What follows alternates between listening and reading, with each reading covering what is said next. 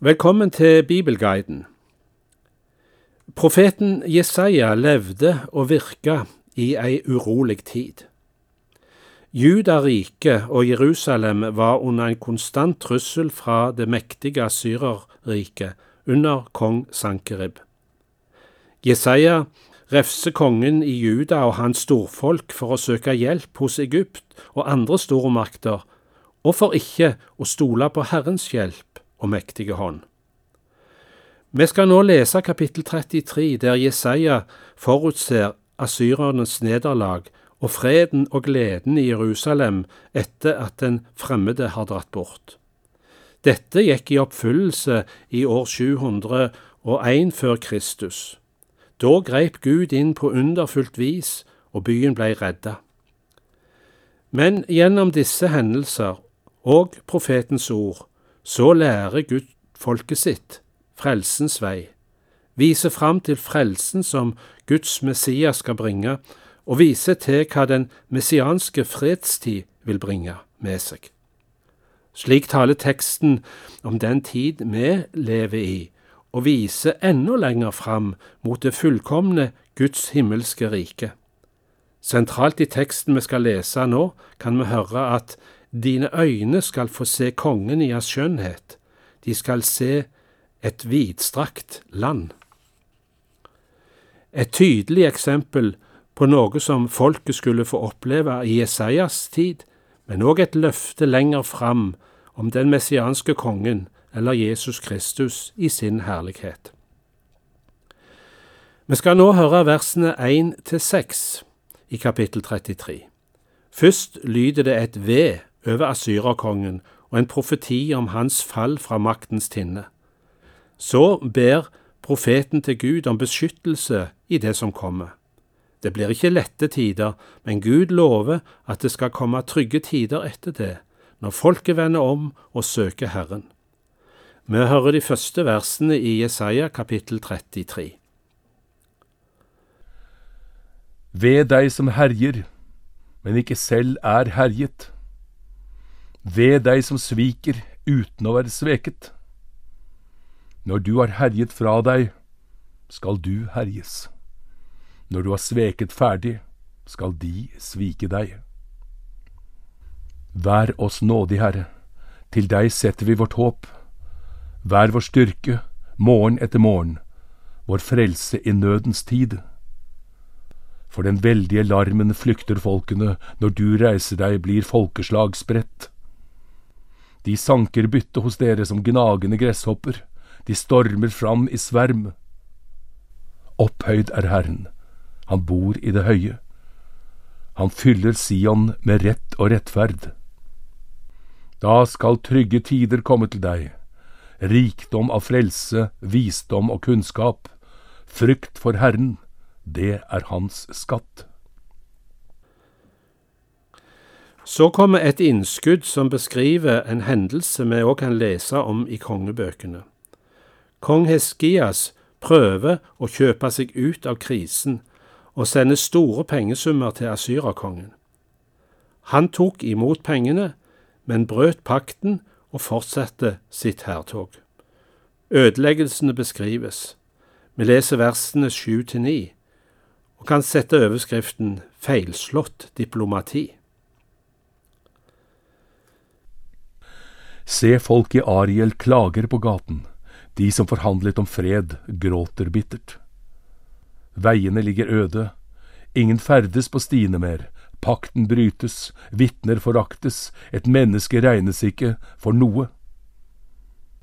Landet sørger og tørker ut. Libanon visner av skam. Saron er blitt som en ødemark, Basan og Karmel mister løvet. Slik lærte folket at en ikke kan stole på pengemakt. Nå vil Herren reise seg til innsats. Nå skal ryktet om Guds storhet nå ut både fjernt og nært.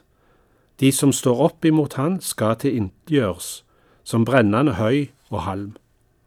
Hvem vil stå seg i møte med den fortærende ild? Hvem kan bo i nærheten av Gud? Jo, den som er rettferdig og tale og leve rett. Vi leser kapittel 33, vers 10-16. Nå vil jeg reise meg, sier Herren. Nå vil jeg stå opp. Nå vil jeg stige fram. Dere unnfanger høy og føder halm. Pusten deres er en ild som fortærer dere.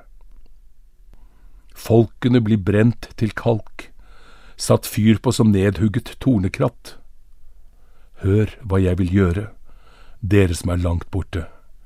Kjenn min styrke, dere som er nær. Synderne på Sion er slått av skrekk, angst griper de ugudelige. Hvem av oss kan bo ved en fortærende ild? Hvem av oss kan bo ved evige flammer? Den som går rettferdig fram, taler det som er rett, forakter fortjeneste av utpresning, vinker bestikkelse bort, lukker ørene for rykter om drap, og lukker øynene for det som er ondt. Han får bo på høye steder og ta tilflukt i klippeborger, han får sitt brød og har alltid vann. Så ser profeten situasjonen i Jerusalem etter at fienden har stukket av. Den redde, skremte og fornedra kongen skal tre fram i herlighet, og byen er trygg. En profeti som gikk i oppfyllelse på Jesaja-tid, men som òg er en herlig profeti om Jesus og hans verk, og vi får flotte bilder på tilstanden når det nye Jerusalem en gang vil bli vår bolig. Vi leser de siste versene i kapittel 33, ifra vers 17. Dine øyne skal få se kongen i hans skjønnhet. De skal få se et vidstrakt land. I redsel skal ditt hjerte tenke, hvor er han som talte? Hvor er han som veide? Hvor er han som talte tårnene? Du kan ikke se det frekke folket. Folket med et vanskelig språk som ingen kan skjønne, med stammende tunge som ingen kan forstå. Se på Sion, våre høytiders by. Dine øyne skal se Jerusalem, en trygg boplass, et telt som ikke skal flyttes, med plugger som aldri skal rykkes opp, og snorer som ikke skal slites av. For der er Herren, den mektige, med oss et sted med brede elver og strømmer. Men der skal ingen båt bli rodd, og ingen mektig skute seile. For Herren er vår dommer, Herren er vår lovgiver, Herren er vår konge, Han skal frelse oss. Tauene dine er slakke, de holder ikke stangen på plass, og folder ikke ut bannere. Stort er det byttet som da blir fordelt, selv lamme, raner og røver. Ingen innbygger skal si jeg er syk. Folket som bor der, har fått sine synder tilgitt. Vi har hørt gode løfter om ei lys og trygg framtid for den som bor trygt hos Herren. Takk for følget i dag, og velkommen tilbake til Bibelguiden.